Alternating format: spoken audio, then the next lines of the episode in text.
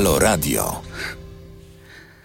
Dochodzi e, godzina 21 czy 19? 21 już. E, e, zaczynamy. Mam nadzieję, że będziemy się tak spotykać co tydzień. Czas na podsumowanie dnia, a naszym gościem jest i uwaga, bo to e, bardzo znamienity gość. Ja musiałem sobie zrobić notatki. Członek Rady Press Klubu i sekretarz generalny Międzynarodowego Stowarzyszenia Press Klubu Jarosław Włodarczyk. Dzień dobry. E, A skoro y, taka persona, to na pewno będziemy rozmawiać dzisiaj o nas samych. Oczywiście to nie będzie jedyny temat, ale chciałbym zacząć porozmawiać y, o nas samych, bo to właśnie o nas, y, dziennikarzach, bardzo myśli obecny rząd.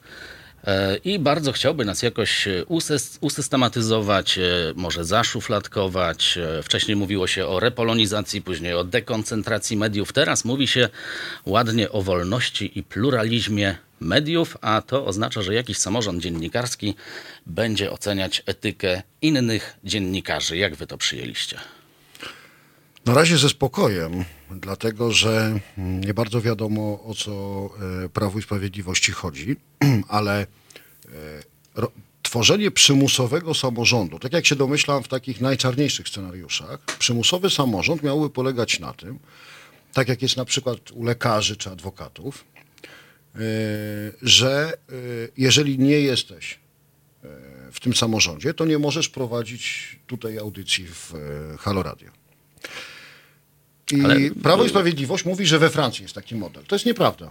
No właśnie. We to- Francji jest model y, bardziej związków zawodowych. No, wiele osób słyszało o tym, że jak aktor z Europy chce pracować w Ameryce, w Hollywood, to musi trzeba zapłacić dodatkowe pieniądze związkowi zawodowemu, bo się odbiera pracę y, aktorom amerykańskim. Tu jest podobnie we Francji, tylko że we Francji jest cała grupa freelancerów, mnóstwo ludzi poza samorządem.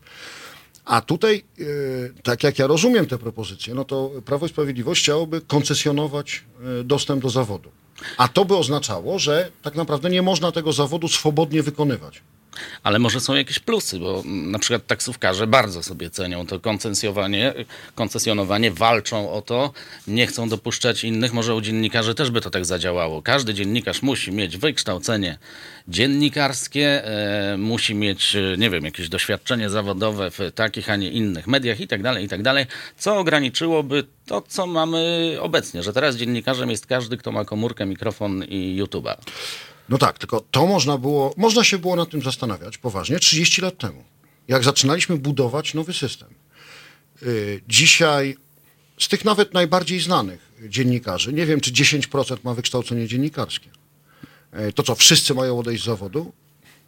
E, Nawet tuzy dziennikarstwa, jak nie wiem, Rafał Ziemkiewicz, chyba też nie mają wykształcenia dziennikarskiego. To co, Prawo i Sprawiedliwość Rafała Ziemkiewicza e, posunie z dziennikarstwa. Może będą wyjątki na No, przykład. czyli no, on pewnie będzie w zarządzie tego, no więc będzie wyjątkiem i wtedy już będzie gładko. Ale to jest o tyle niebezpieczne, bo mm, jakby nie żartując sobie, że ingerencja w niezależne dziennikarstwo e, czy ograniczanie swobody wykonywania zawodu, e, bo taksówkarz to jest jednak trochę co innego, e, no, będzie powodować, że na przykład o kamienicy prezesa Najwyższej Izby Kontroli, czy, mm, no nie wiem, o pedofilii w, e, w poznańskich Słowików, e, tam w chórze, czy o no, dziesiątkach rzeczy, czy o aferze reprywatyzacyjnej w Warszawie, nigdy byśmy się nie dowiedzieli, bo to są tematy, które dziennikarze wyciągnęli, zanim ktokolwiek się zorientował, że jest taki problem. No to i to nie jest nasz interes, bo to, to jest myślę, że fundamentalna rzecz. To nie jest interes dziennikarzy, że dziennikarze mają mieć teraz jakieś uprzywilejowane prawa, czy nie można ich regulować. To jest interes społeczeństwa. No bo y, no, y, jeżeli ludzie nie będą. Pa, pamiętasz, y, trzy lata temu cała ta afera w Sejmie, ten protest y, organizowany przez Press Club i 40 y, potem redakcji, dzień, dzień bez polityków. No przecież próba wyrzucenia przez marszałka Kuchcińskiego dziennikarzy z Sejmu, to dziennikarze i tak by się dowiedzieli rzeczy, które by się chcieli dowiedzieć. No wiesz to doskonale przez lata No pracując tak, w newsach. się, nie przy stoliku prasowym No e, tak, się zdobywa ale informacje. ludzie by się nie dowiedzieli. Ludzie by nie zobaczyli wielu obrazków. Więc to jest interes obywateli i prawo obywateli do bycia informowanym, co jest gwarantowane konstytucyjnie. A nie, e, a nie interes dziennikarzy. Ale to jest przedstawiane jako, no, że to jest dla ludzi właśnie, żeby jednak y, ci ludzie mieli prawo do rzetelnej informacji, sprawdzonej informacji, a nie jakichś fake newsów i tak dalej, które dzisiaj, no umówmy się, trochę opanowały ten świat. E, oczywiście, że tak. Tylko jeżeli, me, znaczy, tych problemów nie rozwiązuje się w ten sposób. E, Prawo i Sprawiedliwość chciało skrócić kolejki w sądach, zrobiło e, całą rewolucję w systemie sprawiedliwości, e, ale kolejki się nie skróciły. E, Więc to, to, to nie jest ta metoda. Znaczy, jeżeli chcemy walczyć z fake newsami, to niech państwo poprzez na przykład niezależne, odpartyjnione, dobrze dofinansowane media publiczne, tak jak jest na przykład w Wielkiej Brytanii, niech zostanie powołany do życia newsroom, który, zespół dziennikarski, który będzie rozprawiał się z fake newsami, tak jak robi teraz to TVN. TVN24. Tak, robią to y, świetnie, to komp- trzeba no, przyznać, ale, tak. tak, tylko że oni to robią za swoje prywatne, znaczy no, za prywatne pieniądze Discovery. A w Wielkiej Brytanii największą taką część roboty robi BBC. Więc to jest kwestia rozwiązań. A u nas telewizja publiczna to znowu największy producent e, takich e, fake newsów, które tak naprawdę trzeba by No tak, no, no przecież generowanie newsów, no y, dzisiaj taki y, news, który krążył, że prezydent Warszawy Trzaskowski powiedział, że nie będzie wypłacał 500+. Przecież to nieprawda. On, do, dokładnie to jest odwrócenie pojęć. Kolejna rzecz, że pan były minister kultury Zdrojewski powiedział, że ci, co mają anteny satelitarne, to są na platformę. Przecież on cytował czyjąś wypowiedź, a nie swoją. I tak dalej, i tak dalej. Prze- To przekręcanie rzeczywistości no jest przerażające.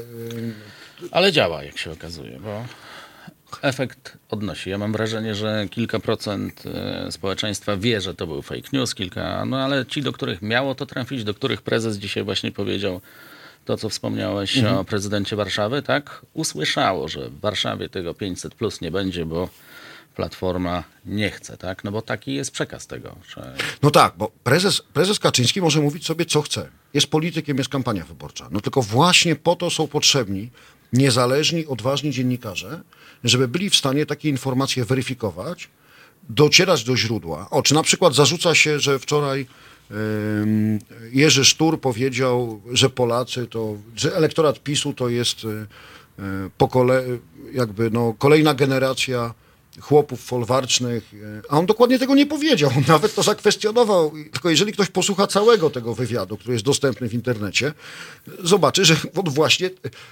przytaknął, a potem poszedł w głębszą refleksję, że nie ma chłopów uniwersalnych, a to, że jesteśmy chłopskim narodem, to jest inna sprawa, ale e, on mówił o czymś innym, o chęci odwetu, e, które się pojawia w pewnych e, części społeczeństwa. Mówił bardzo ciekawe rzeczy, ale zrobiono z tego karykaturę. No i takie media nie powinny, znaczy to nie jest niezależne dziennikarstwo. No nie jest tak. Kto mógłby, y, kto mógłby i jak mógłby? Czy w ogóle y, można z tym zjawiskiem sobie poradzić zupełnie inaczej? Ja przypomnę, e, możecie do nas dzwonić e, 022 kierunkowy do Warszawy 390 59 22, jeśli wy macie jakieś swoje własne zdanie na temat tego, czy dziennikarze powinni stawać przed specjalną komisją powołaną przez obecny rząd. Dzwońcie do nas, piszcie do nas, jak wy to widzicie.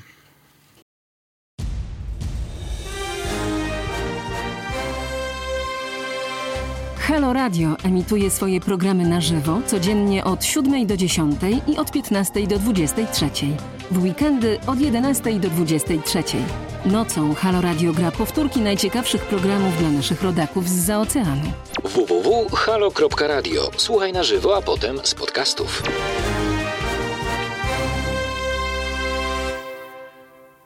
I witamy ponownie. Ja przypomnę, numer telefonu do nas to 022 390 59 22. A naszym gościem jest członek Rady Press Klubu i sekretarz generalny Międzynarodowego Stowarzyszenia Press Klubu Jarosław Włodarczyk. Rozmawiamy o przyszłości dziennikarzy w tym kraju.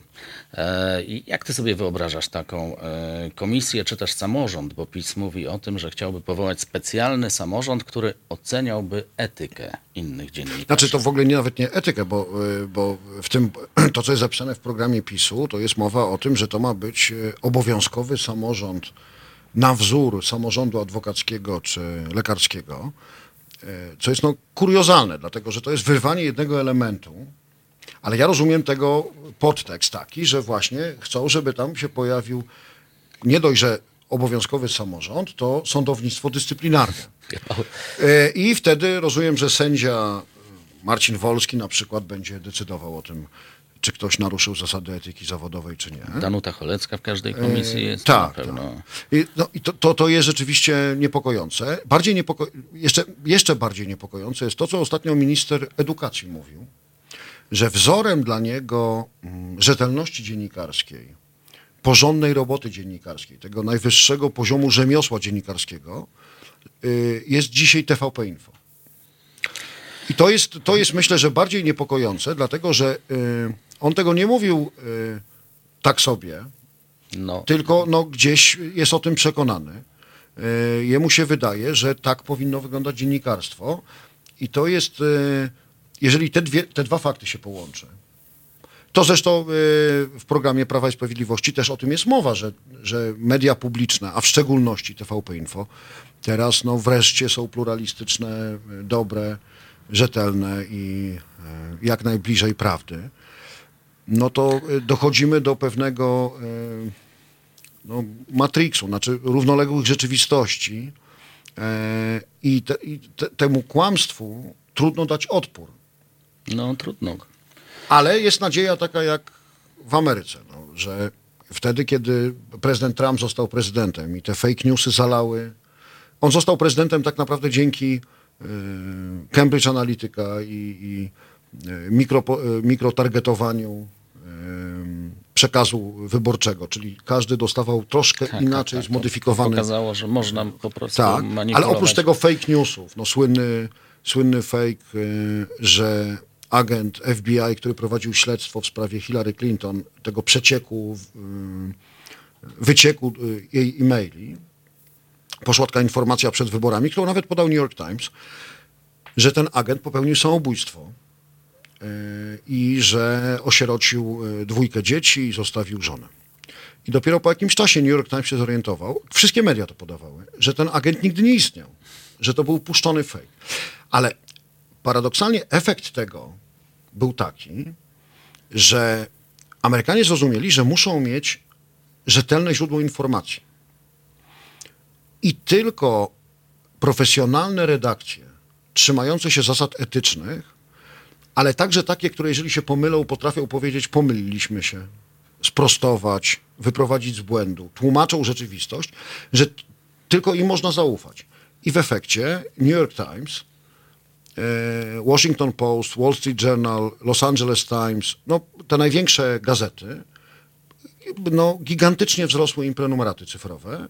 Dość powiedzieć, że New York Times y, dwa czy trzy lata temu y, pierwszy raz miał przychody powyżej miliarda dolarów.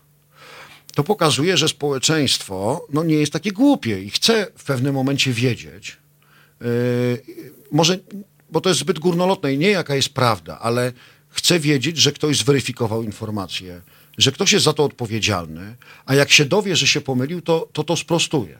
A nie będzie walił jak cepem prostą propagandę. zapartem. Tak. To, to jest dobra informacja dla naszego radia, no bo tutaj raczej, e, nie raczej, na pewno będziemy się starali zawsze podawać informacje prawdziwe. E, Dawid Wrzeszcz napisał do nas e, coś bardzo ciekawego.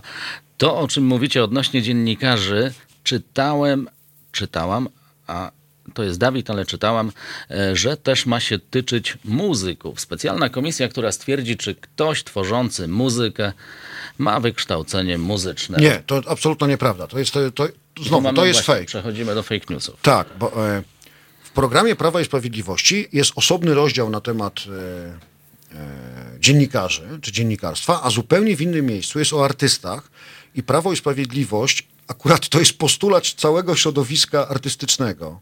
Chodzi tak naprawdę o emerytury artystyczne.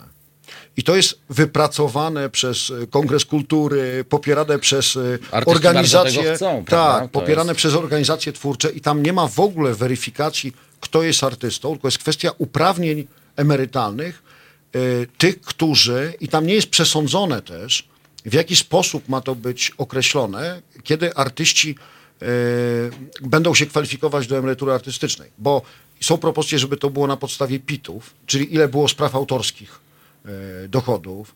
E, Są takie, żeby przez organizacje twórcze typu ZASP, ZAX, SPAM, Stowarzyszenie Polskich Artystów Muzyków, no rozmaite organizacje twórcze, żeby potwierdzały przynależność zawodową, ale nie, to tutaj nie, nie wylewajmy e, dziecka z Ale to wanienką. ładnie pokazuje. Dobrze, że o tym Tak.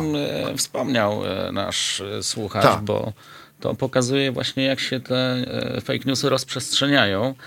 Ja przypomnę, że jeśli chcielibyście porozmawiać z nami, włączyć się do rozmowy, to zapraszamy do telefonu 022, telefon warszawski 390 59 22 i mamy kolejny komentarz.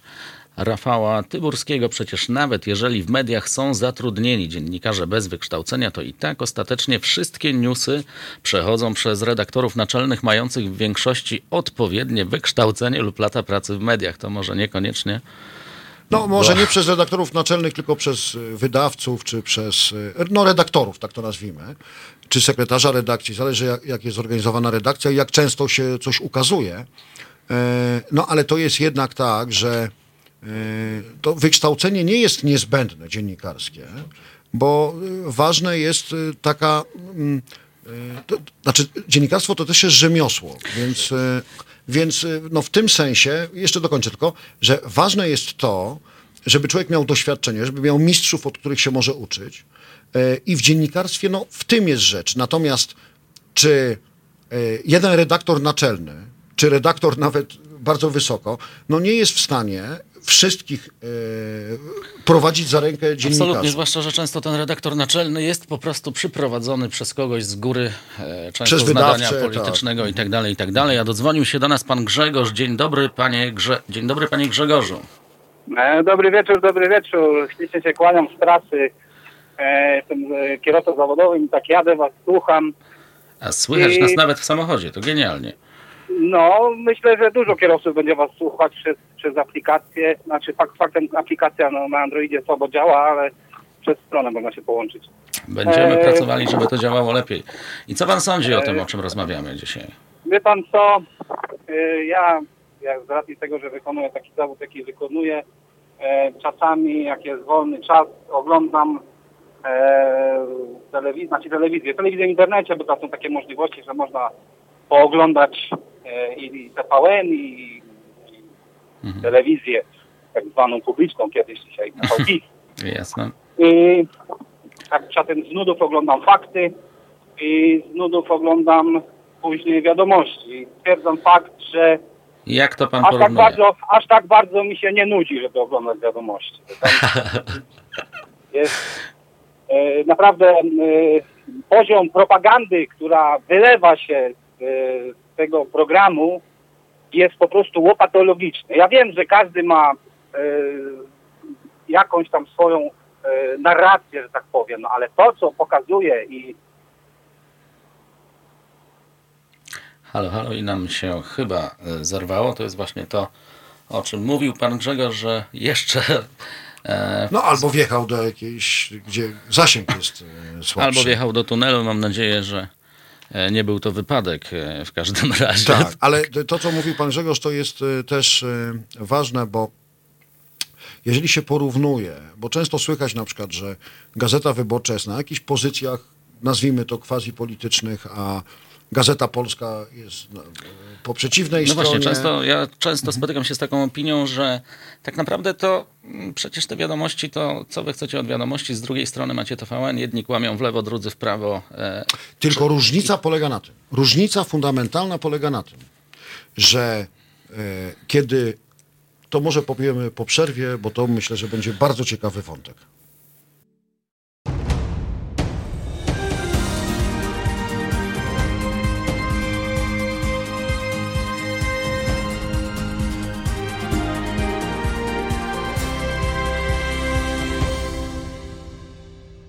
Dochodzi 21.30. Naszym gościem jest Jaro... Tak, to ja jestem. Tak, tak, cały czas gość się nam nie zmienił. E, sekretarz generalny Międzynarodowego Stowarzyszenia Press Klubu Jarosław Włodarczyk, a my zgodnie z obietnicą wracamy do tematu poruszonego przez naszego słuchacza, czyli czy rzeczywiście to jest tak, że każda strona polityki obecnie ma swoje media i jedni i drudzy kłamią. TVN kłamie w lewo, e, TVP kłamie prawo. I jak to jest naprawdę? Byłoby tak, gdyby nie to, że trudno zarzucić e, nierzetelność, patrząc na konkretne materiały e, TVN-owi, e, ale chcę dać taki bardziej, taki moim zdaniem najbardziej drastyczny dwa przykłady, czym się różni Gazeta Wyborcza od Gazety Polskiej. Bo to, że Gazeta Wyborcza ma taką linię programową, liberalną, bardziej w lewo, a Gazeta Polska jest konserwatywno-prawicowa, tak to nazwijmy, to nie ulega wątpliwości. Tylko, że jeżeli Gazeta Wyborcza, sympatyzująca niegdyś z Platformą Obywatelską, dostała na stół materiały kompromitujące Platformę Obywatelską i panią prezydent Hannę Gronkiewicz-Walc, to napisała o reprywatyzacji w Warszawie. Mam poważne wątpliwości, a ostatnie cztery lata nie pokazują tego, żeby w sieci czy Gazeta Polska opublikowały jakikolwiek materiał, który byłby kłopotliwy dla PiSu. Drugi przykład to e, Fundacja Nie Lękajcie się. E, ta fundacja, która wspierała ofiary pedofilii w kościele. E, przecież Gazeta Wyborcza, która mogłoby się wydawać, że to jest no, niezgodne z linią ideową gazety. Gazeta Wyborcza opublikowała materiał, po którym prezes tej fundacji podał się do dymisji, gdzie się okazało, że on wyłudzał pieniądze od y, ofiar pedofilii, a sam nie był ofiarą pedofilii, jak się potem okazało. To nikt inny jak Gazeta Wyborcza to odkryła. To pokazuje niezależne dziennikarstwo. Że nie ma tak, że w Gazecie Wyborczej ktoś przyjdzie y, i go chroni immunitet, bo on jest z Platformy, czy z Razem, czy z Lewicy, czy z koalicji polskiej. Nie, to nie jest tak. Znaczy, jeżeli dziennikarze złapią trop i jest temat, to go zrobią. E, poza tym, kiedyś profesor Staniszki ładnie powiedziała, jak ją zapytano, dlaczego wcześniej popierała PiS, a teraz nie popiera, a wtedy PiS był w opozycji, ona powiedziała, że naukowiec ze względu na dla, taką higienę psychiczną powinien być zawsze w lekkiej opozycji. Ja sobie pomyślałem, że trochę tak jest z dziennikarzami. Dziennikarz nigdy nie może być pupilem władzy. No bo mm, nie taka jest rola dziennikarza. Dziennikarz no. musi patrzeć władzy na ręce e, i to, że e, dziś mamy media takie jak Gazetę Wyborczą czy TVN, które mogą patrzeć władzy na ręce, ale też to, co myślę, że jest najważniejsze, czego Państwo pewnie sobie, będąc odbiorcami mediów, nie, nieczęsto zauważacie, czy nie często o tym myślicie, bo, bo też y, macie ciekawsze pewnie rzeczy do zastanowienia, ale my y, zawodowo się tym zajmujemy i y, wolne media, czy wolność słowa jest tak naprawdę jedyną wolnością, która sprawdza, jak się mają nasze pozostałe wolności. Gdyby nie materiał TVN-u o Stachowiaku, o śmierci na komisariacie, to byśmy nie wiedzieli, że w Polsce są stosowane tortury. A prawo wolności od tortur jest podstawowym prawem człowieka. Gdyby y, nie y, willa, materiał Bertolda Kittla o willi teraz Banasia, no to byśmy nie wiedzieli, że jest jakieś powiązanie pomiędzy gangsterami, a prominentnym politykiem rządzącej partii, który zostaje prezesem Najwyższej Izby Kontroli. Swoją drogą to Lech Kaczyński, jako były szef Najwyższej Izby Kontroli, musi przewracać się w grobie, widząc, że jego e, następca z tej samej partii po prostu e, nadzoruje najważniejszą e, instytucję w państwie i dzwoni do. I koleguje się z właścicielami tak, burdelu. Tak. No, no, mówiąc wprost. Tak? Mówiąc wprost, to jest, no, to jest wręcz to... niewiarygodne, no, tak, bo jeśli no. on nie umie ogarnąć tego E, burdelu u siebie, no to jak on ma ogarnąć go w kraju? Znaczy tak? no, u siebie ogarnął świetnie, ale już poza wszystkim już, e, no weźmy pod uwagę jeszcze jedną rzecz. On był szefem Krajowej Administracji Skarbowej, a w tym czasie on się sam przyznał do tego, że popełnił przestępstwo skarbowe. Czyli to, to, to wynajmował. ja bym nawet powiedział. To, o, o, I jego należałoby raczej e, zakwalifikować do tej mafii VAT-owskiej, z którą e, No nie, ale- PiS, bo tam tak. przecież ogromne podatki nie zostały zapłacone. No oczywiście, że tak, bo on, on, zresztą on się sam do tego przyznał, to jest już najbardziej kuriozalne, że on zaliżał czynsz, bo potem miała być transakcja sprzedaży i e, ta kwota tej niedopłaty byłaby w tej transakcji sprzedaży. To są inne podatki zupełnie. To jest, no to jest kuriozalne. Szef To jest właśnie ta Administracji mafia, Skarbowej. której szuka PiS. Tak, tak, tak. Bardzo blisko było. No tylko jak oni się mogą złapać, skoro... No, dosyć trudno. No chyba, że to jest takie przewrotne właśnie myślenie Prawa i Sprawiedliwości, że weźmiemy teraz do e, pilnowania podatków e, tych, którzy przekręcali na podatkach, no to będzie łatwiej e, im, tak, e, tak. i, ich już, złodzieja e, nikt nie okradnie, Jak a już- oszusta nikt nie oszuka. tak? Już te wszystkie słynne memy, tak, że dostał chłop stanowisko, bo on potrafi ogarnąć ten burdel, tak? no, tylko, tylko on sobie z tym poradzi, to wiadomo. No ale jest, jest, jest, jest tu coś e, niewiarygodnego, że to przechodzi. Wiesz, mm, widzę, widzę. Problem z patrz. mediami mainstreamu jest taki, że są gotowi do działań przeciw komuś, tak daleko dopóki się broni ekonomii. To znaczy, z automatyki nie ruszymy, bo odpłyną od nas pieniądze inwestora. No i to po części też jest prawda, ale chyba jak w każdej prawdzie tych prawd jest kilka, bo to nie jest tak, e, moim zdaniem. To znaczy, dobrze jest oczywiście, jeżeli właściciele mediów nie mają e, powiązań biznesowych.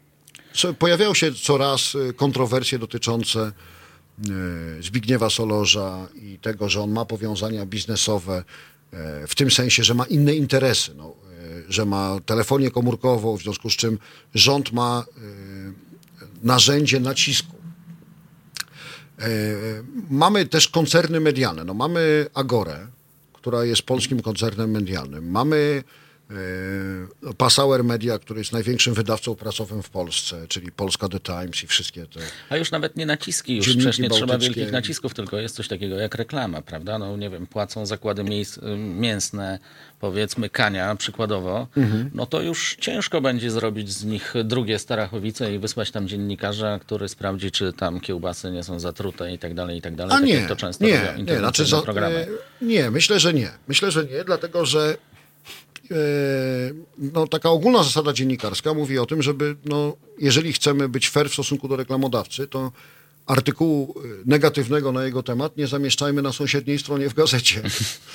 E, To jest ten ideał dziennikarstwa, że tu będzie reklama zakładów Henryk Kania, a dwie strony dalej będzie, czy dwie strony wcześniej, o tym, że były tam e, karuzela VAT-owska, czy jakieś wyłudzenia VAT-u i, i e, rozmaite przekręty, ale e, no, oczywiście właściciel teoretycznie może wpływać na funkcjonowanie medium, a jego inne interesy e, mogą na to rzutować. Ale zobaczmy, że większość mediów w Polsce jednak należy do koncernów medialnych. Passauer Media, który jest właścicielem największego wydawcy Polska The Times, Edipress, e, Discovery, które ma TVN. Discovery nie ma innych interesów e, poza medialno-biznes, e, show biznesowymi, tak to nazwijmy. No Agora jest spółką giełdową i zajmuje się tylko medi- mediami, no, kinami, no ale gdzieś Tak, jest w tym cały- cały kręgu samo, tak, no. reklamowym, biznesowym. W związku z czym, jak się zastanowimy, to nie mamy nazbyt wielu e, poza Solorzem w tych dużych mediach tych, którzy są uzależnieni od państwa. Jeszcze tylko przypomnę, telefon 022 390 59 22. Posłuchamy muzyki, a po muzyce wracamy. Dzwońcie do nas, piszcie, czekamy. A jeszcze RMF należy przecież do...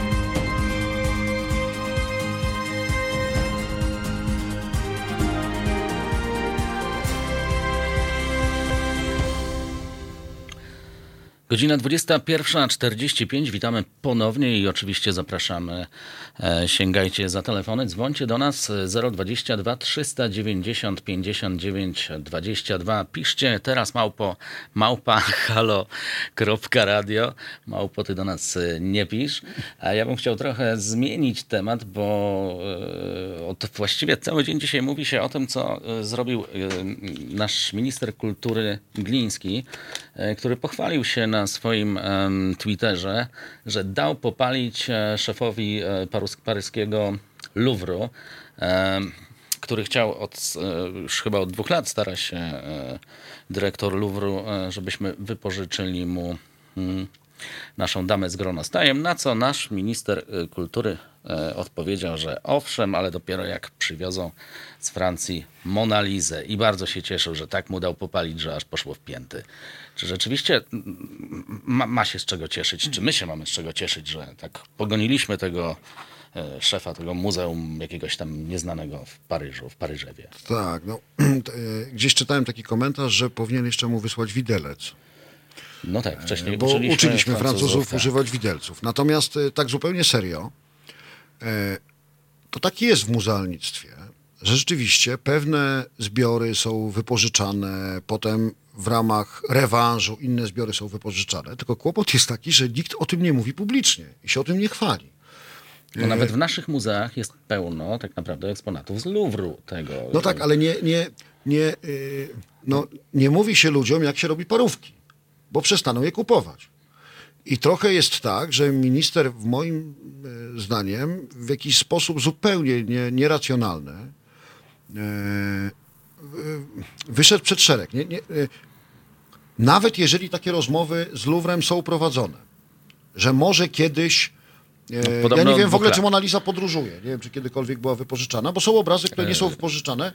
Zresztą dama z gronostajem Też nie jest e, też nie jest wypożyczana. wypożyczana, Tak, co też- do też- zasady. też nigdy nie było na I więc zgody. wtedy właśnie są takie zasady wzajemności. Natomiast chwalenie się o e, e, pokazywanie publicznie e, rozmów gabinetowo-kuluarowych nie jest w ogóle dobrym obyczajem. A to może oznaczać, że wiele innych muzeów nie bardzo będzie chciało prowadzić rozmowy z ministrem Glińskim. No nie na tym poziomie. No, Czy z, to- czy z y, polskimi muzealnikami, więc w tym sensie, z punktu widzenia państwowego, y, pan minister zrobił źle, dlatego że odstrasza branżę muzealniczą od rozmów y, z państwowymi muzeami, y, no bo potem minister i tak to wyciągnie i będzie się naśmiewał. No, bardzo to niezręczne. No, jakby ludzie kultury przerażeni byli tą, e, e, tą wypowiedzią. Była minister e, Małgorzata Omilanowska wprost napisała, że poszło mu w pięty, dał, dał mu popalić, tylko po co?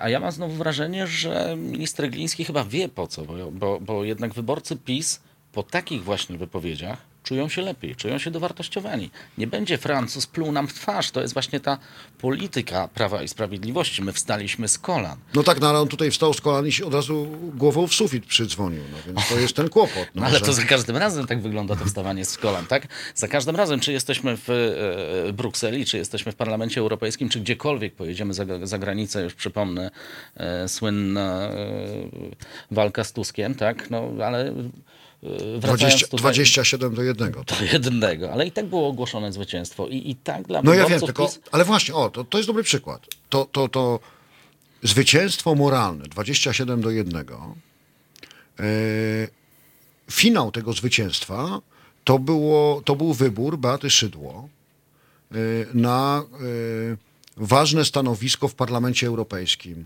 E, najchętniej wiceprzewodniczącego parlamentu albo szefa jakiejś ważnej komisji. No i na czym się skończyło? Na niczym. No nikt nie chciał z nią rozmawiać. Znaczy, no, do, do niczego jej nie wybrano, dlatego że y, ona dała się poznać jako osoba, która nie buduje konsensusu. I analogicznie, no, y, być może jest tak, że y, elektorat Prawa i Sprawiedliwości przy, przyje, przyjmie to z entuzjazmem, tylko y, że pan minister Gliński y, dał popalić y, dyrektorowi Louvru, no tylko, że konsekwencja tego jest taka, że no, to jest niepaństwowe. Znaczy, konstytucyjny minister polskiego rządu, wicepremier, nie powinien takich rzeczy robić, dlatego że y, wszystkich poobrażamy. No, nie, nie będzie z kim rozmawiać. A do Bydgoszczy będziemy jeździć do Bydgoszczy będę jeździł, wszystkich mam poobrażanych. E, Ale e, e, co, co jest jeszcze też istotne, że przecież e, dyrektor Louvru to nie jest e, tuzinkowa postać e, we Francji. To jest człowiek, który także się obraca w kręgach kultury, na pewno z ministrem kultury Francji, ma rozmaite relacje i tak dalej. Jeżeli on jest poniżany, a Ministerstwo Kultury nie ma jedynej sprawy do Francji, żeby chcielibyśmy Monalizę przywieźć, tylko jest kwestia odzyskiwania zbiorów. No jest rozmaitych wiele rzeczy. Po niemieckich e, wszystkich cały czas po wojnie Tak. pewnych rzeczy. I teraz to wszystko może być utrudnione, bo pan minister wstał z kolan i pouczył y, swojego y, francuskiego, nawet nie odpowiednika, nie, nie, nie Bo ja kolegę. mam wrażenie, że PiS, PiS tak trochę chyba, nie wiem, albo nie rozumie tego, albo robi to dosyć cynicznie, ale mam wrażenie, że oni nie mają czasem wrażenia, że ta polityka uprawiana na, na potrzeby naszego kraju, ta polityka wewnętrzna, jest także obserwowana i także jest komentowana za granicą. Że to nie jest tak, że jak minister tutaj puszcza oko do e, naszych wyborców, tak, przed wyborami i tak dalej, to nie jest tak, że w Paryżu tego nie zauważą. Bo ten Twitter też jest tam widziany, czytany i tak dalej. A, a, a ja mam wrażenie, że oni próbują grać tak na dwie bramki, że tam jak pojadą do Francji, to dzień dobry, jesteśmy bardzo mili, super i się klepiemy po plecach, a wracamy do kraju i mówimy, ależ to debil straszny był i tak dalej. I, i, i, i że nie zdają sobie sprawy z tego, że i, tak w tej Francji czy w Brukseli o tym wiedzą, że tak to działa. No Orban robi zupełnie inaczej. No, Orban robi inaczej, ale to, to co mówisz, ja się w tym, z tym całkowicie zgadzam. E, Co więcej, e, takie zachowania jak dziś e, pana, czy wczoraj ministra, premier, wicepremiera Glińskiego ma konsekwencje trudne do przewidzenia. Francja jest krajem, ja, ja nie znam dobrze Francji, ale e, mam często kontakt z, z paryskim presklubem, z, z Lille, z Montpellier, z Lyonem. Ja gdzieś obserwuję, jak to funkcjonuje. To jest kraj, gdzie sfera kultury jest dość ważna. e, Jest także dość ściśle powiązana z biznesem. No tak. E, No, Francja jest no, tym krajem, który no, cywilizacyjnie jest bardzo. Co chyba bardzo było widać, jak biznes zareagował na przykład na odbudowę katedry, tak? No, Tak.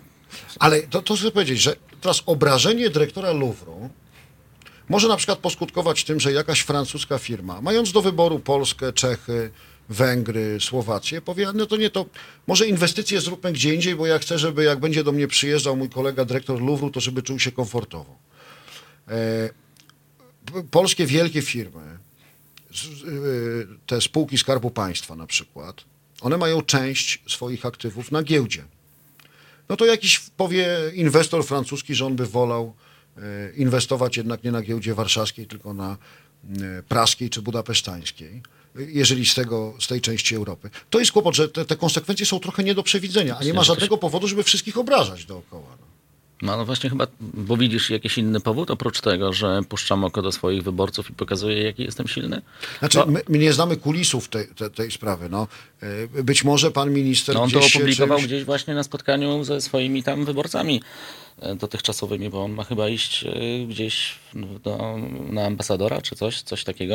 Nie. Tak, tak. No ma jakąś robić e, karierę dyplomatyczną. Mam nadzieję, że nie w Paryżu, e, bo tam będzie miał trochę trudny, trudny start. E, ale rzeczywiście, no, e, ja nie jestem w stanie e, tego zrozumieć. No, e, podobnie jest e, też sprawa dotycząca pana premiera Glińskiego. To jest kwestia nominacji dyrektora Muzeum Żydów Polskich Polin. Sam doprowadził do tego, żeby był konkurs na dyrektora. Dyrektor niezależna, zresztą w większości, czy w dużej części e, mianowana przez ministra Glińskiego e, pozostała część żydowski Instytut Historyczny, miasto, e, komisja wybrała stole na kolejną kadencję i on go od kilku miesięcy nie powołuje na to stanowisko. Człowiek, który jest uznanym autorytetem, profesorem, jest no, bezrobotny. Tak czeka e, w korytarzu, czy on może wejść, czy nie może wejść. A co jest ciekawe, jakie są powody, dlaczego nie chce powołać go na e, dyrektora. Mianowicie, e, powodem jest to, że doszły go słuchy, że Marta Kaczyńska była u niego, e, u dyrektora Stoli, z propozycją zorganizowania konferencji na temat relacji polsko-żydowskich w kontekście dziedzictwa zmarłego Lecha Kaczyńskiego i profesor Stola się na to e, nie zgodził. No więc profesor Stola, jak usłyszał te zarzuty, odpowiedź, e, od, e, powie- p- przedstawił szczegóły. Rzeczywiście jest tak, że Marta Kaczyńska i jej fundacja zwróciła się do Polinu o zorganizowanie takiej konferencji. Tylko zapomniała dodać ministrowi Glińskiemu, czy osoba, która to przekazywała ministrowi raczej, że Stola nie odmówił, tylko powiedział, żeby były też, skoro ma być to konferencja międzynarodowa naukowa, żeby był partner naukowy jakiś. Bo, Co bo, logiczne raczej w tej no, sytuacji. i, i Marta Kaczyńska więcej się nie odezwała.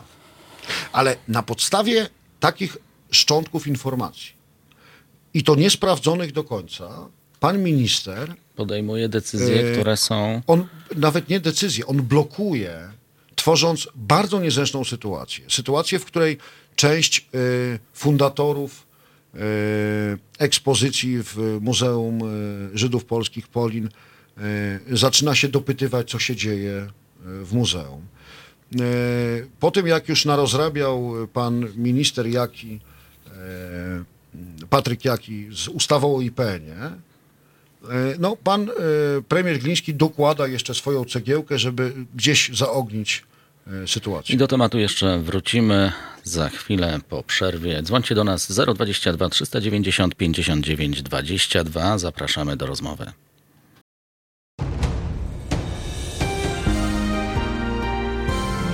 Halo Radio. Halo, halo, tu Halo Radio. E, jesteśmy, e, rozpoczynamy drugą e, godzinę. Naszym gościem jest Jarek Włodarczyk, członek Rady Press Klubu i sekretarz generalny Międzynarodowego Stowarzyszenia Press Klubu. Telefon do studia to 022 390 59 22. Chwytajcie za telefony. Jest okazja, żeby z nami porozmawiać. Tematy są ciekawe. Podsumowujemy mijający już dzień. Przypomnę, telefon 022 kierunkowy do Warszawy 390 59 22.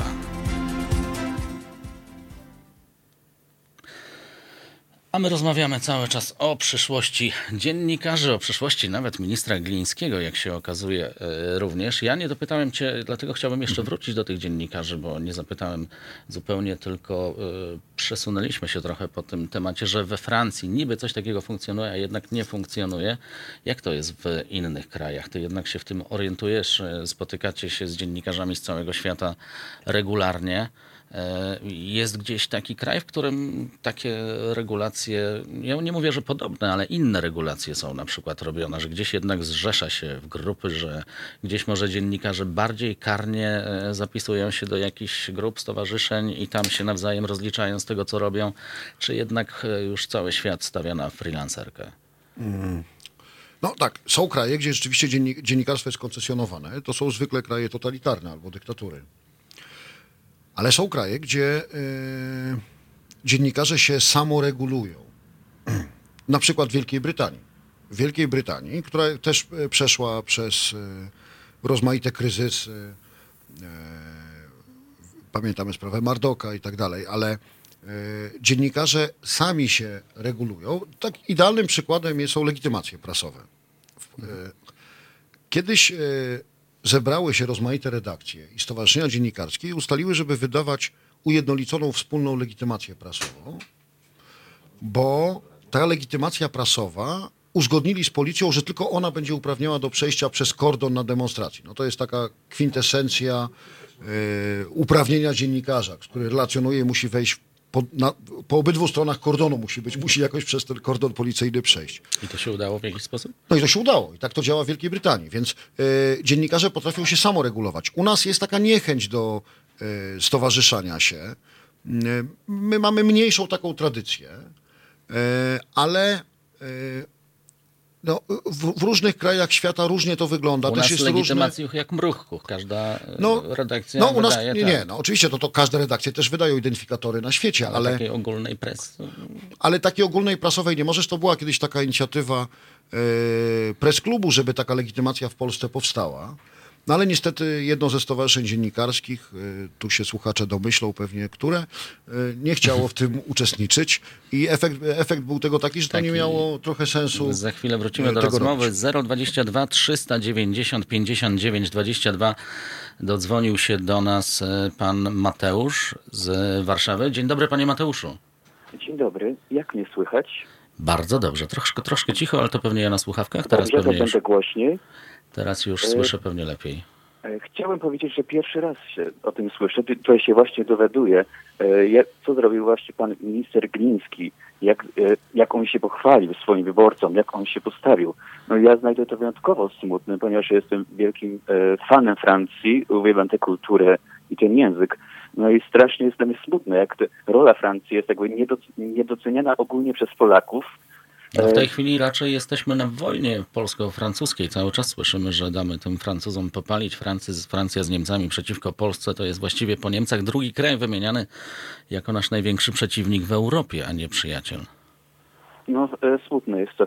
E, chciałem się odnieść do, te, do tego, bo, bar, bo ob- obserwuję, jakim ministrem jest pan Gliński, jakie on decyzje podejmuje, jak, jakie rzeczy, jakie on rzeczy stra- straszne mówi. E, co państwo myślą? Czy to może być jakiś zabieg, zabieg podobny do tego, o którym opowiadał Umberto Eco w swoich zasadach dotyczących wiecznego faszyzmu e, i między innymi z tych zasad, które on wymieniał, jest pogarda dla artystów intelektualistów. Czy myślą Państwo, że on w ten sposób e, daje jakiś właśnie sygnał, sygnał swoim wyborcom, w ogóle wszystkim tutaj Polakom, że artysta nie jest mile widziany, kul, kultura no, jest podejrzana. Jarek? No, ja, ja bym tak daleko, y, y, a też y, z nadzieją patrząc, mam nadzieję, że, że tak nie patrzę. Trzeba pamiętać, że artyści, podobnie jak dziennikarze, y, jako całe grupy, jest też ta, jest taka teoria, że są troszkę bardziej w lewo niż w prawo. Są bardziej trochę lewicowi niż prawicowi, co wynika z jednego faktu. Mianowicie bycie artystą oznacza otwartość na inność, otwartość na świat, zrywanie z y, pewnymi utartymi schematami. Czyli ten pierwiastek konserwatywny musi być nieco słabszy niż ten y, liberalno-poznawczy. Podobnie jest u dziennikarzy. Dziennikarze muszą być otwarci na rozmowę z każdym. Nieważne, czy ta osoba jest z mniejszości seksualnej, religijnej, innej.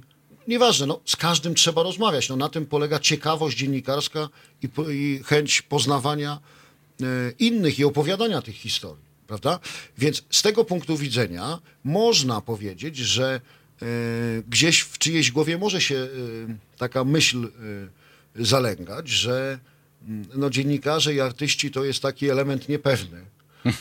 W związku z czym lepiej może, żeby ta, no, być w rezerwie do nich, jeżeli ktoś ma e, jakieś e, niecne zamiary polityczne. Natomiast kwestia pogardy to jest szerszy problem, dlatego że mm, to jest to, o czym e, mówił Jerzy Sztur i ja mówiłem w pierwszej części audycji o tym, że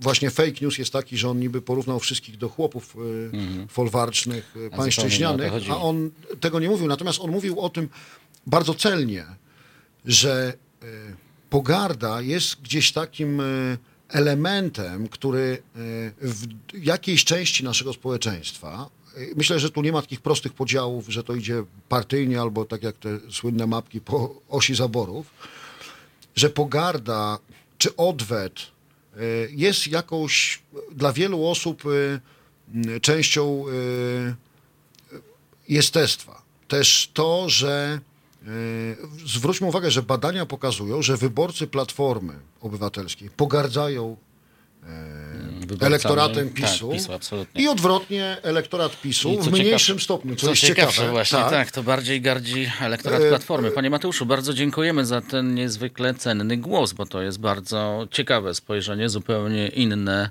e, niż my tutaj e, poruszaliśmy.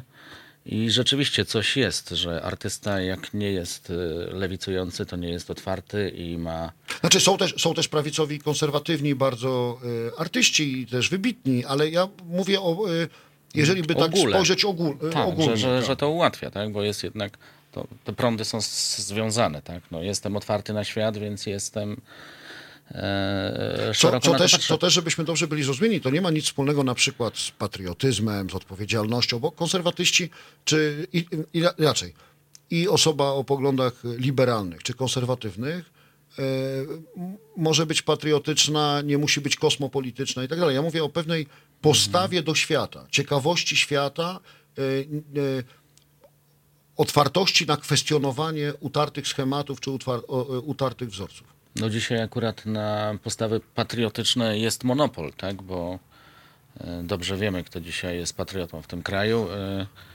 No nie, przepraszam, to też, też nie. Ja, ja myślę, że są grupy, które chcą y, mieć monopol na Chcą patriotów. zawłaszczyć, Chcą tak. zawłaszczyć. Ale to uważam, że każdy, kto czuje się patriotą, ja czuję się patriotą, co nie ma nic wspólnego z tym, żebym na przykład pogardliwie myślał o innych obywatelach czy innych krajów. Czy o migrantach, którzy do nas y, y, przyjeżdżają, nie wiem, z Ukrainy, czy o uchodźcach z Czeczeni. Nie. E, Ale to ja uważam, że polską racją stanu jest y, i, i takim dobrze pojętym patriotyzmem jest to, żeby być otwartym, E, żeby żyć w zgodzie ze światem. I i ja się nie zgadzam na to, że ktoś mi powie, że patriotyzm ma monopol tylko, nie wiem... e, Nacjonalistyczny, e, że tak, że patriotyzm oznacza, że kochamy że trzeba tylko się na Polskę, łyso a ogolić mamy i- gdzieś, tak? tak, no bo e. w tej chwili taki patriotyzm jest w Polsce promowany. Znaczy, może to jest tak, że jest próba zawłaszczenia tego publicznego manifestowania patriotyzmu. Od Marszu Niepodległości poprzez marsze narodowców, ale ja się na przykład na to nie zgadzam i ja uważam, że każdy powinien wywieszać biało-czerwoną flagę w święta e, polskich e, zwycięstw czy porażek, ale w nasze ważne rocznice. E, I oddawanie pola takim ludziom spod znaku ONR-u, to jest zupełnie nie fair. Znaczy nie wolno oddawać pola im, że oni mają monopol na patriotyzm. Nie, wszyscy bądźmy patriotami i to okazujmy, ich jest mniejszość. To proste. Żeby robić medium prawdziwie obywatelskie, potrzebujemy Państwa stałego wsparcia finansowego. Szczegóły na naszej stronie www.halo.radio, w mobilnej aplikacji na Androida i iOS-a oraz na koncie Fundacji Obywatelskiej w serwisie www.patronite.pl. Naszym darczyniom i darczyńcom serdecznie dziękujemy. www.halo.radio. Słuchaj na żywo, a potem z podcastów. Podsumowanie dnia w Halo Radio. Radek Masłowski i Jarek e, Włodarczyk. Piszecie do nas, e, to bardzo daleko i uwaga, czytam przez PiS i narodowców wracamy do Polski lat 30. niestety. Czy rzeczywiście e, mamy w tej chwili, czy to dobre porównanie do dwudziestolecia międzywojennego? Ja rozumiem, że chodzi chyba o rządy sanacji. Nie wiem, e, co miał na myśli. Ja nasz- obawiam się, że większość e, osób e, takich dających takie komentarze nie, nie, nie do końca czuje em, siłę takich porównań. Ja jestem bardzo daleki od takich porównań. My nie jesteśmy w przededniu wojny. Po, podziały społeczne, bo ja rozumiem, że do tego to się odnosi, że, Ale w latach 30. też, też że nie wiedział, że jesteśmy w wzrosty, przededniu wojny. No, no, no wiedzieliśmy w pewnym momencie już, wzrosty nacjonalizmów. Ja bym powiedział, że bardziej powinniśmy się bać e, tego, że takie ruchy skrajne narodowe rosną w całej Europie. To, e, w Polsce, jak się zastanowić, to, to narodowcy są jakimś marginesem marginesu w porównaniu do tego, co się dzieje w Niemczech e, To czy prawda, we Francji, Patrząc na wcześniej wybory, to, to, to ja mm, mam takie przeczucie graniczone, graniczące z pewnością, że tym razem im się uda. Że jednak narodowców w Sejmie e, i Korwina-Mikke znów zobaczymy. No ja mam nadzieję, że nie, dlatego że to, co e, opowiada e, nie tylko Korwin, ale no, narodowcy, to jest e, no, gdzieś z, z takiej sfery dla mnie nieakceptowalnej. I no, mam nadzieję, że nie. Trochę szkoda, że Kukiz wprowadził wtedy e, jakąś ekipę Puścił na salony. tak? wpuścił na salony, Mm, ale z drugiej strony też musimy patrzeć na to w ten sposób, że ci ludzie e, no, mają jakieś grono swoich e, fanów, odbiorców. Coraz większe, jak się okazuje, wśród młodych ludzi, zwłaszcza, tak. co, co, I to- co mnie to jest nie- przeraża. To jest niebezpieczne, ale jedyną radą na to jest edukacja, edukacja, jeszcze raz edukacja. Którą trzyma PiS, więc takiej edukacji nie będzie. No ale na pewno PiS nie będzie e, prowadził edukacji narodowej w rozumieniu takich narodowców. To znaczy Prawo i Sprawiedliwość No bo oni teoretycznie są na wojnie, zauważ, tak? No, Teraz ale nawet nie wygrali nawet teoretycznie. proces TVP. Tak. Oni walczą z sobą. To, No ale to nie teoretycznie. Zwróćmy uwagę na to, że Marsz Niepodległości e, zawsze odbywał się bez PiSu. PiS obchody robił 11 listopada w Krakowie. Dlaczego? Dlatego, że Jarosław Kaczyński ma strategię taką, że na prawo od PiSu ma już nic nie być. On już miał kiedyś koalicję z LPR-em i już nauczył się i na prawo odpisu ma nic nie być, czyli wszystko, co powstaje na prawo odpisu, albo ma być wchłonięte przez PiS, albo ma tego nie być. Tylko, że y, trzymanie y, takiej, y, takich ludzi na marginesie zbyt długo może niestety owocować jakąś przemocą. W związku z czym lepiej by było, jeżeli środowiska radykalne, czy z lewej, czy z prawej strony, e, no, się nie, nie, nie rozszerzają, nie rozbudowują. A żeby się nie rozbudowywały, potrzebna jest porządna edukacja. Ja przypomnę telefon do nas 022 390 59 22. Em, Zapraszamy, możecie włączyć się do rozmowy. Na razie piszecie, PiS to tylko zagospodarował ten gniew wykluczonych i rzeczywiście coś w tym jest, bo, bo PiS jednak, ja mam takie wrażenie, tym steruje, a ci na przykład biedni narodowcy, o których tutaj wspominamy, e, prędzej czy później mogą zostać wykorzystani. Przynajmniej tak się to na razie zapowiada, że oni liczą, y, że będą koalicją, że ich głos y, dojdzie wielki, narodowy i tak dalej. Tylko chyba zapomnieli, że pan Jarosław przystawki raczej e, wciąga nosem. No to wszystkie partie w, y, przystawki wciągają, to taka zasada, bo y, zobaczmy, co się stało z nowoczesną, y, jak Platforma i Schetyna wciągnęli. Natomiast rzeczywiście tak jest, że Prawo i Sprawiedliwość dobrze wyczuwa nastroje społeczne, lepiej na pewno niż opozycja i potrafi tych wykluczonych, e, a jednak liczba ludzi wykluczonych e, przez te 30 lat transformacji w Polsce była dość duża. Żeby choćby wspomnieć taką, no niedużą grupę, prawie 2 miliony ludzi, byli pracownicy i ich rodziny w PGR-ach. Ci ludzie zostali kompletnie wypluci przez tą reformę 30 lat zmiany w Polsce e, i dzisiaj e, część z tych ludzi na pewno głosuje na Prawo i Sprawiedliwość, bo, bo ma jak, gdzieś e, to, to, co się mówi, że te godnościowe sprawy, no, no wreszcie ktoś, e, choćby Ktoś o nawet nich te sobie 500 przypomniał. plus. e, Tak jak o nas sobie przypomniał pan Grzegorz. E, witamy pana i słuchamy. No, przerwało mi, bo tam... A, to nasz pan Grzegorz z samochodu, który wjechał do tunelu. Tak, dokładnie, dokładnie. Gorzowa Wielkopolskiego wyjeżdżałem, a tam takie lasy i dlatego mnie urwało. No jasne. Ja się chciałem cofnąć jeszcze do, tej, do, do, do dziennikarzy. Yy, Z logicznego punktu widzenia dla PiSu, po co PiSowi są niezależni dziennikarze? Ja tutaj, yy, bo tak trochę yy, odebraliście to, że ja, że ja zarzucam TVN-owi, że jest, yy, yy, że nie mówi prawdy. Nie, ja... ja, ja yy, Chyba tak nie ja odebraliśmy, nie, ale no, może trochę, wie pan, słów może trochę mi brakuje, bo jestem zdenerwowany. Pierwszy raz w ogóle się dodzwoniłem do jakiegokolwiek radia i to takie, wie pan, pierwsze doświadczenie to, moje. Ale co chciałem powiedzieć? To żeby pan powiedzieć- wypadku nie spowodował. Pan spokojnie Nie, jedzie. wie pan, dobrze, że jeszcze nagród nie mamy, bo w ogóle byłoby szaleństwo. spokój, nie no, może wprowadzicie, może będzie tak dobrze, że wprowadzicie. E, Słucha pan, nie, ja na słuchawkach prowadzę, także spokojnie, nieraz się rozmawia przez telefon. E, ale drugi raz już jest łatwiej, już tak się nie denerwuję. Ale to chciałem podkreślić właśnie, a propos już zacząłem e, o, o tym dzwonieniu, że naprawdę łatwo do was się dodzwonić. Drugi raz dzwonię i drugi raz mi się udało. No to I Bo jesteśmy chyba Fajnie, jedynym naprawdę. radiem, które nie robi tak zwanego sitka. Po prostu ktoś do nas dzwoni i dzwoni. chociaż tak. panu powiem, że jak e, mnie I przerwało, puszczamy to rozmowy na żywo, a wszystkie radia wie Tak, pan, że już tak. nagrywają. Dokładnie. E, Też e, ja panu powiem, jak mnie przerwało, to myślałem, że już cenzura zadziałała, ale nie, ale to, ale to jednak na zasięgu była. Je, jeszcze nie, bo to dopiero początek. Jeszcze nas radia. nie Ale zamykają. Tak. początek jeszcze, jeszcze nie poznali. Ale wracając do dziennikarzy. Z logicznego punktu widzenia, po co, po co PiSowi są dziennikarze niezależni? No po co? Po co TVN ma nagłaśniać e, takie rzeczy? Po A to, to ja, panu, ja panu odpowiem od razu. Po co dziennikarze niezależni? Mianowicie Aleksander Łukaszenka, dyktator Białorusi, e, dopuszcza niezależne dziennikarstwo do momentu, kiedy nie piszą o nim i o jego rodzinie.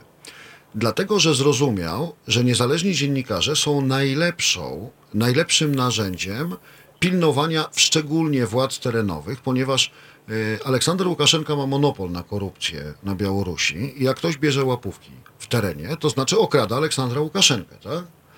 E, I on przewrotnie e, zrozumiał, że to nikt lepiej nie upilnuje władzy, a wiadomo, że władza demoralizuje, a władza całkowita całkowicie demoralizuje, czy, czy totalitarna to y, całkowicie demoralizuje. W związku z czym niezależne dziennikarstwo pomaga tak naprawdę, jeżeli by ktoś sensownie pomyślał, po- pomaga każdej władzy, żeby się nie y, wykoleiła.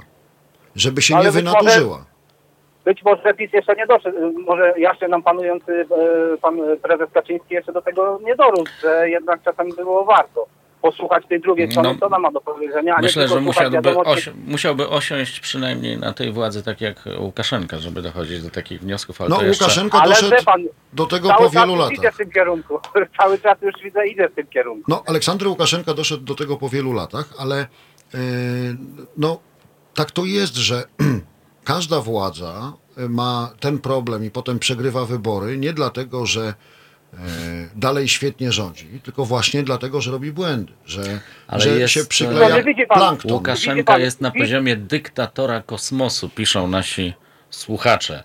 I pytają, Ale czy... widzi pan, Tak, słuchamy. widzi pan, widzi pan, PiS robi błędy, przecież cały czas wychodzą afery. Przecież afery, które robiło PO, to był, do, do tych afer, które są dzisiaj, to jest pikuś. A elektorat To był pikuś, tak. Zegarek Nowaka Wiesz, o o kontra co chodziło? dom publiczny Yy, szefa zegarek, Niku to- to rzeczywiście są rzeczy nieporównywalne No, no. i ja też nie rozumiem, dlaczego, Dokładnie. dlaczego ten elektorat w Wie- ogóle na to nie reaguje. Nie wieże, y, banki, nie banki, y, y, premier Morawiecki. Dwie wieże. Kondole, kondolencje dla pana Morawieckiego przy okazji, ale jest premierem. Kłamie, dostaje wyrok, sąd mu udowadnia, że kłamie i dalej kłamie. No, I nikomu to nie przeszkadza i wszyscy Nikomu nadal to nie głosują. przeszkadza, wszyscy są zadowoleni i jest okej. I to jest Yy, fenomen, na który postaramy się porozmawiać właśnie- jeszcze po przerwie. To jest ciekawe, że, że, to jest, że, że to jest fenomen, na który nikt nie potrafi znaleźć odpowiedzi. Dlaczego tak się dzieje, że oni są tak teflonowi.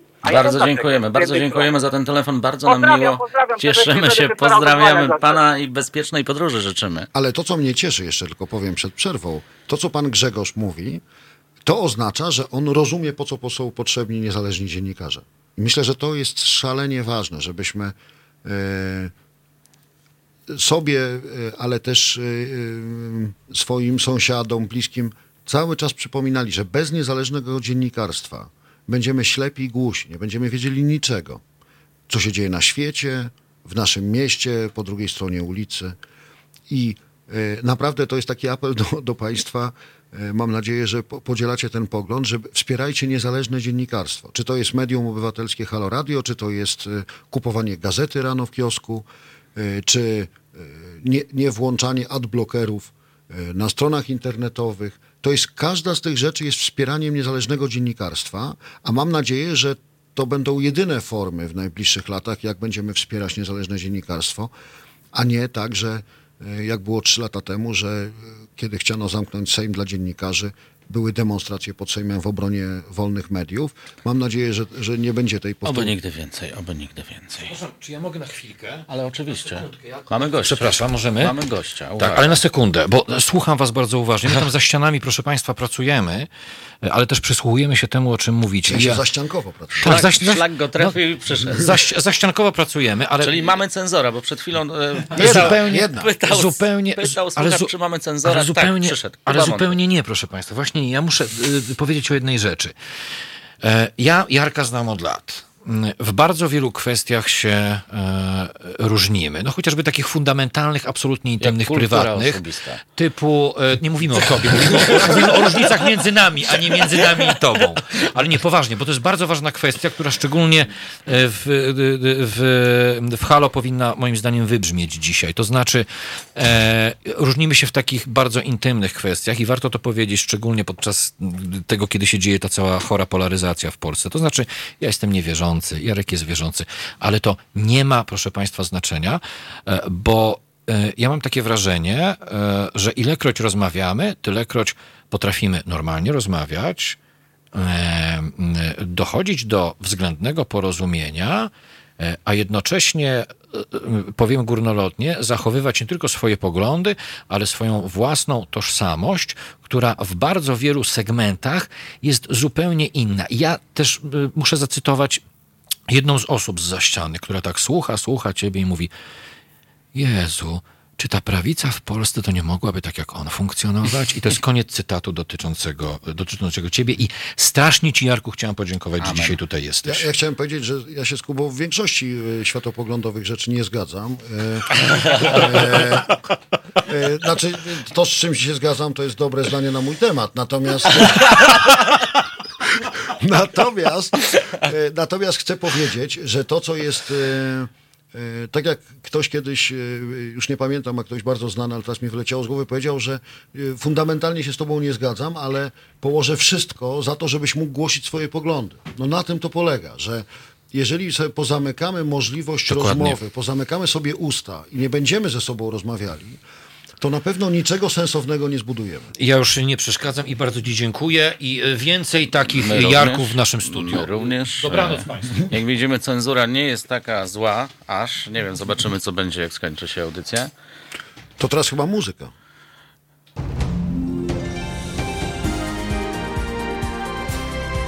Halo Radio. 022 390 59 22. Tu Halo Radio. Radek Masłowski i Jarek Budarczyk wła- wracamy na antenę i mamy tematy coraz poważniejsze, bo tak jakoś nas y, rzuca od dziennikarzy aż po dyktaturę i tak dalej. Ja od razu z grubej rury muszę zapytać, bo przecież coraz częściej słyszymy, e, że mamy w Polsce dyktaturę. Czy mamy w Polsce dyktaturę? Czy ta dyktatura pełza? Czy tak jak e, dzisiaj pojawiło się takie lewicowe opracowanie, że jest to zupełnie nowy rodzaj dyktatury? Nie takie jak, jak ta- taka dyktatura, jak znaliśmy z czasów, nie wiem, generała Franco e, czy Mussoliniego, tylko że dzisiaj ta dyktatura to już jest dyktatura nowych mediów, właśnie związana z tym, ale jednak gdzieś ta demokracja z Polski ulatuje. Znaczy ja myślę, że mamy taką dyktaturę od słowa dykta bardziej. E, nie, nie mamy w Polsce dyktatury. dyktatury. Jak na razie mamy e, demokratyczne wybory. Nikt nie kwestionuje wyborów ani do Parlamentu Europejskiego, ani samorządowych. A one się działy już za czasów Prawa i Sprawiedliwości. E, To po pierwsze. Mamy oczywiście bardzo trudną sytuację z praworządnością, z sądownictwem. E, I niestety Prawo i Sprawiedliwość chciało skrócić kolejki do sądów, a zrobiło wymianę kadr, e, co jest takim sposobem myślenia rodem z e, rewolucji bolszewickiej, bo wtedy było takie przekonanie, że kadry załatwią wszystko. Kadry są najważniejsze, tak. No ale to się okazuje, że nie bardzo. Że te kadry jednak e, nie spełniają tych oczekiwań e, i nie, nie jest to skuteczne. E, Więc ja myślę, że nie jesteśmy e, w kraju, gdzie jest dyktatura. Natomiast zagrożenia są e, bardzo poważne, bo to, co powiedziałeś o, o tym, o tym e, o, o mediach, e, ale w rozumieniu tych social media i tak dalej, no, to jest poważne zagrożenie dla demokracji. E, To, co się wydarzyło e, w Stanach przy wyborach, czyli Czyli rozmawiajmy. Ja tylko Rafał Stepnowski do Mhm. nas napisał, bez rozmowy zostają już tylko pięści, bo jak inaczej przekonać do swojej racji nieprzekonanego? Trzeba rozmawiać, rozmawiać i jeszcze raz rozmawiać do skutku, a w Polsce już się nie rozmawia, a to pierwszy krok do tego, żeby było źle. No jeszcze można tak jak w King Size było, że wy nas nie kochacie, ale my was tak będziemy kochali, że raz nas pokochacie. Więc to jest jeszcze, jeszcze metoda. Ja jeszcze Ale oczywiście numer telefonu 022 390 59 22 022 390 59 22. Włączajcie się, bo jak ktoś tu ładnie napisał dzisiaj Halo Radio dopuściło do głosu więcej obywateli niż media z mainstreamu przez cały ostatni rok. E, nie przesadzam. Nie przesadzam. Ja jednak będę bronił e, media e, wszystkie, bo, bo powinny mieć prawo e, opowiadać świat, więc, więc to jest ważne, żeby były różne media. Natomiast wracając do tego, e, o czym mówiłem, media społecznościowe są fenome, fenomenem i one pozwalają, no właśnie, obywatelom się włączać e, w, w życie e, publiczne. Tylko one też degradują bardzo poziom rozmowy. No właśnie... One, one powodują także to, że łatwo jest nimi manipulować. A co więcej, my, ja myślę, że dzisiaj największym zagrożeniem dla demokracji I w Halo Radio będzie to, to, to ym, głupio powiedzieć, bo właśnie Państwo oglądacie to na YouTubie albo na, e, w social media, czy na Facebooku, e, czy na Instagramie. No, to, to są niestety największe zagrożenia, mówię globalnie, e, demokracji. Dlatego, że dzisiaj YouTube bez problemu jest w stanie wpłynąć na wynik wyborów w Polsce. To, o czym mówiliśmy I Ja, ja mogę zresztą potem y, po, po wcześniej. telefonie... Za chwilę bo do tego telefon, ja wrócimy. Dozwonił mogę się do nas e, Rufin. Dzień dobry, czy raczej dobry wieczór. Ja będę trzymał się tej formy dzień dobry, bo jednak nikt z nas Dobry spać się nie wieczór. wybiera. Ja dzwonię z Islandii. Z Islandii. To dosyć Tak? daleko. To dalej chyba niż Częstochowa jeszcze. Momencik, ja tylko ciszę radio. Dobrze. Y, I, mm, właśnie n- nawiązując do Państwa rozmowy, tak sądzę, że e, w Polsce nie ma dyktatury. Jest. e, Taka była konstatacja powiedzieć- nasza. Halo? Taka też była nasza konstatacja właśnie, tak. Tak, tak, tak. E, e, Sądzę, że mm, e, też tak patrzę e, z zewnątrz na, na, na, na A długo już pan jest e, na tej Islandii, tak zapytam? No 13 lat. 13 lat. To już takie spojrzenie z zewnątrz. Słuchamy. Tak, y, jestem na bieżąco z y, polską polityką. I no i tak y, moje spostrzeżenia, no mm, wiadomo, że wiadomo, że partia PiS lekko mm, trochę zabrała nam wolności. E, Troszeczkę. Też, też y, i, i, i, I wydaje mi się, że mamy lekko y, autorytarne, rząd, autorytarne rządy. No tak, wszystko lekko. Może nie, wszystko lekko. może nie ma dyktatury, ale, ale, ale, Ale robi się nieprzyjemnie. y, Trochę wolności nam zabrano. Mm, A jak pan y, ma, ma pan porównanie do Islandii, tam rzeczywiście odczuwa pan tę wolność, oddycha się pełną piersią, nie ma pan czegoś takiego poczucia, że rząd panu klatkę piersiową ściska i coś od pana chce? Tego nie ma. to że, rzeczywiście tego nie ma. E, Jest, jest, jest, y, jest większa autonomia, jest większa wolność. Um, jak można to nazwać? Ale też, też y, te, te rządy nie są idealne, tak? Rządy nie To są nie jest- idealne, tak. Tak, no To- to, nie jest tak, żeby, że, że, że tu jest wszystko pięknie, ładnie. No Ale- tak, ale ale, jednak to na razie z Polski uciekają Polacy na Islandię, a nie odwrotnie. Z Islandczycy raczej jeszcze do Polski nie przyjeżdżają, żeby... No, w, w Islandii to jest już jest, w Islandii już jest niewielu Islandczyków, bo tam w zasadzie są już w większości Polacy. To pozdrawiamy tak, bardzo będzie, serdecznie. Druga Polska, tak? Pozdrawiamy bardzo Ale- serdecznie. ale Proszę tam pozdrowić wszystkich Polaków, powiedzieć im o naszym radiu, bo to bardzo fajnie, że nawet e, Oczywiście, w Islandii. y, oczywiście już udostępniam i e, bardzo pozdrawiam i dziękuję za to radio. No, my bardzo dziękujemy za telefon.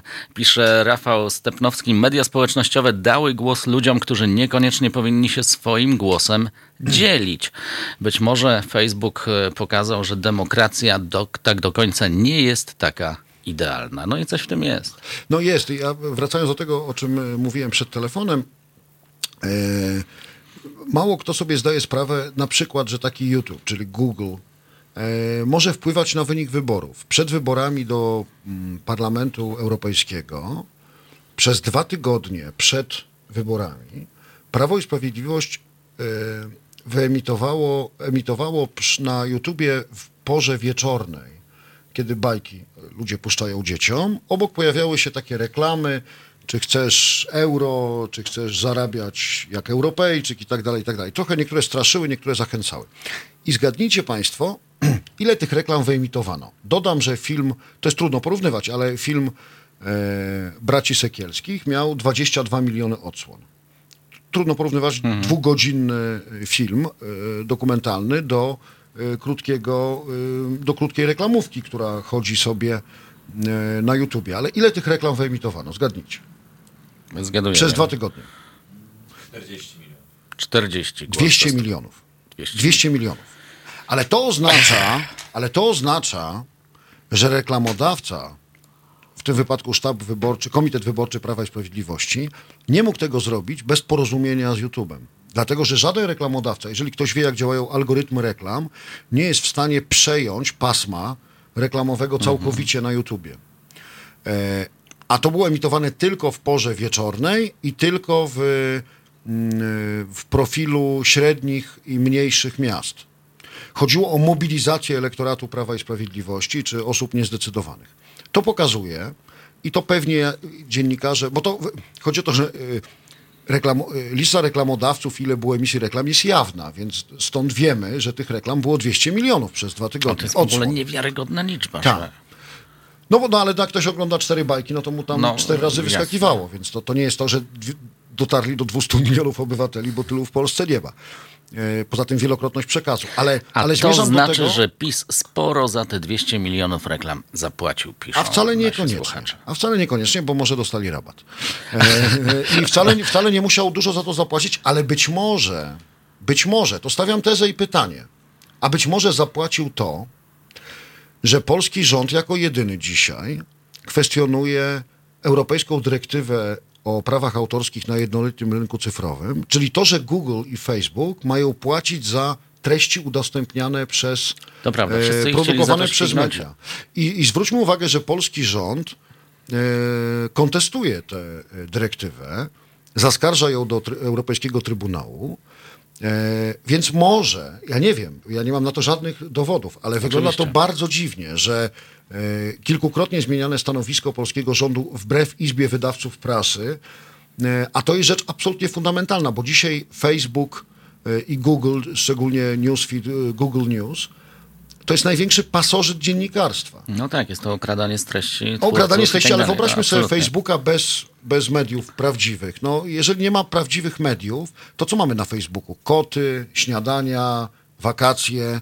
Nie mamy poważnej rozmowy, nie mamy poważnych informacji. E, A kto, kto zarabia na tych, na tych treściach? Wyłącznie Facebook. W związku z czym być może jest gdzieś w tle e, jakieś dziwne e, porozumienie pomiędzy gigantem, gigantami e, No tutaj właśnie nasz słuchacz zauważył, polski rząd chciał też opodatkować e, Google'a i Facebooka, ale jakoś w sierpniu szybko się z tego wycofał. E, No to właśnie o tym mówimy. Tak, o, tak, że to było o też tej, zmian- o tej, o, to, to jest w ogóle szerszy e, problem tej e, No przypomnijmy tylko, że też są to firmy amerykańskie, tak? I, i, No tak, tylko że Unia Europejska, Parlament Europejski e, na wniosek Komisji, tak jak wszystkie e, regulacje, e, zdecydował, że mają być płacone prawa autorskie od, nie od linków, bo to była ta cała kampania Google'a właśnie, że od linków. Nie, nie od linków, od cytowania treści.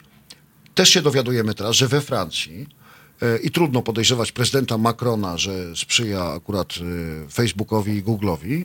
We Francji właśnie Google ogłosił, że nie będzie płacił, bo tam implementacja wchodzi e, chyba od dzisiaj nawet, od 1 października, że nie będzie płacił za linki, za e, cytowanie treści, chce to obejść, skracając te treści i tak dalej.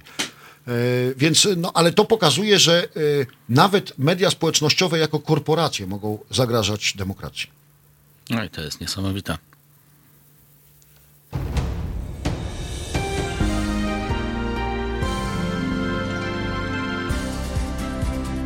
Halo Radio. Pierwsze radio z wizją.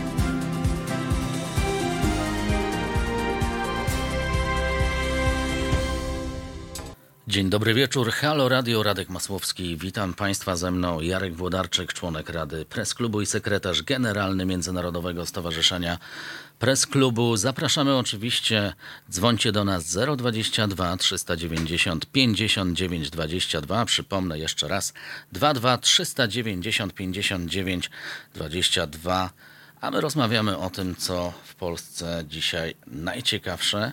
I teraz przechodzimy o tym, y, wracamy właściwie do tego, e, jak ważne są media e, społecznościowe. Raz, że jak usłyszeliśmy od słuchaczy, że no, psują rynek, bo, e, bo tam się właśnie psuje ten dziennikarski rynek, a z drugiej strony dzięki tym mediom można nawet wygrać wybory czy obalać rządy tak naprawdę. Tak, tak. No tutaj jeden z, ze słuchaczy, widzów pisze o tym, że dobrze, że PiS nie chce zrepolonizować YouTube'a. Nie musi. No Bo jeżeli, było jakiekolwiek e, współpraca czy porozumienie, no to po co repolonizować, jak to dobrze działa? E, A wiemy o tym, że i YouTube, i Facebook są po prostu do wynajęcia. Kto coś ciekawszego zaproponuje albo e, umożliwi oszczędności, no to ten e, jest lepiej dogadany. Pamiętajmy, że to są dość bezwzględne korporacje. To nie jest tak, że to są e, tak jak redakcje e, prasowe, te nawet największe na świecie, podmioty, które e, mają kodeks etyczny, misję, tylko to są... e, Tam liczy się kasa, jedno, po amerykańsku. Po prostu. No tak, tylko w New York Timesie nie liczy się tylko kasa. W Washington Post nie liczy się tylko kasa, a w e, Facebooku liczy się tylko kasa i łącznie z tym, że e, założyciel i szef Facebooka e, oszukiwał Komisję Kongresu, kiedy e, kluczył, kłamał e, w kilku kwestiach, więc to jest... e, No, no niestety to jest tylko firma. Znaczy to, to nie możemy oczekiwać od niej więcej, ale od nas też zależy, czym my tę firmę będziemy karmić i wypełniać. E, Bo przecież e, Facebook nie produkuje żadnych treści. To, to państwo produkujecie treści na Facebooku czy na Twitterze i pytanie, czym będziecie te, to karmić? Czy mądrymi No, A- a wiadomościami, czym, czym czy to nie? jest spowodowane, że ja mam taki odbiór, że jednak lepiej wykorzystuje te nowe media właśnie prawica. I nie mówię tylko o rządzie Prawa i Sprawiedliwości, ale tam świetnie się odnaleźli narodowcy właśnie. E, powstają jakieś te wszystkie telewizje prawicowe, streamy prawicowe. Oni tam świetnie to wykorzystują. Te filmiki puszczają jak, nie wiem, czy to jest farma troli właśnie, czy po prostu e, oni są bardziej zmobilizowani, im się chce.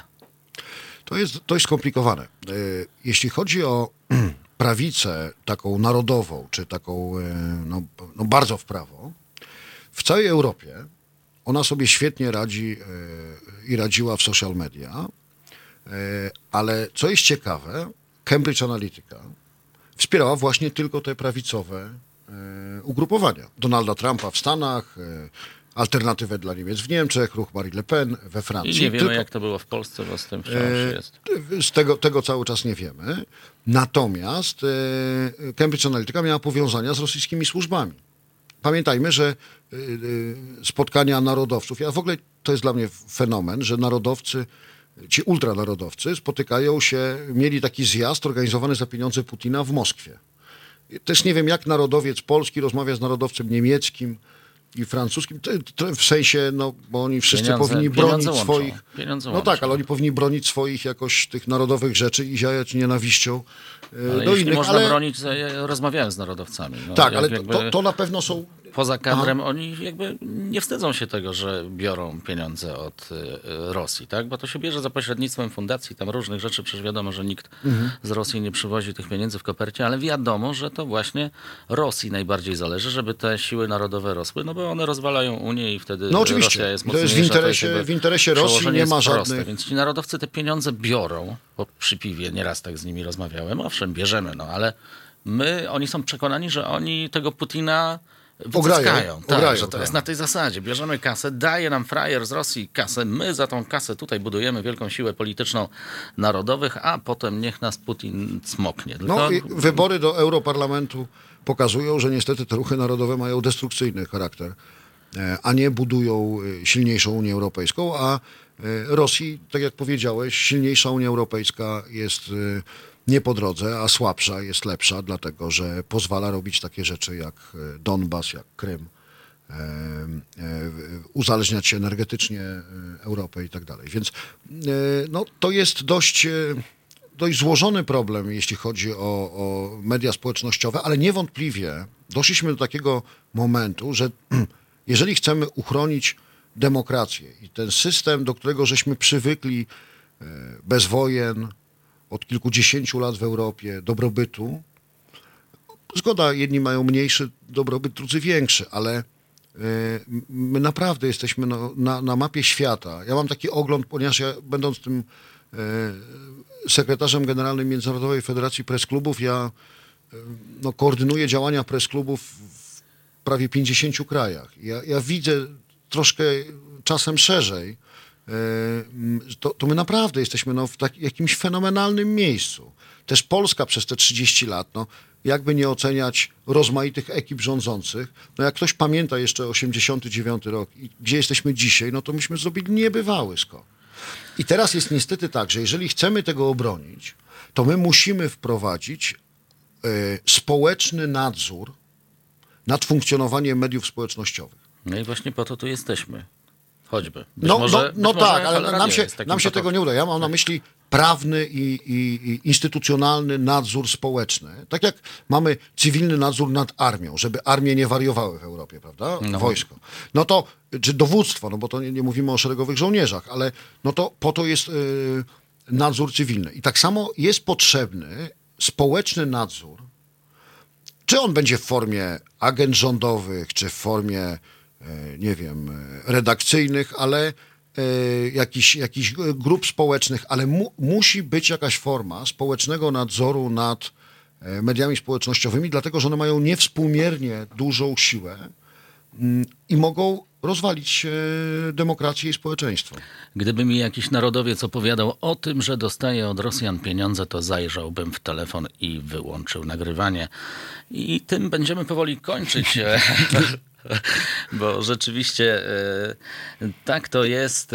Halo Radio to była nasza pierwsza audycja, podsumowanie dnia. Naszym gościem był Jarek Włodarczyk, e, członek Rady Press Klubu i sekretarz generalny Międzynarodowego Stowarzyszenia Press Klubu. Ja myślę, że nie ostatni raz gościł na naszej antenie. Bardzo serdecznie Państwu dziękuję. Było mi naprawdę bardzo miło wrócić do radia.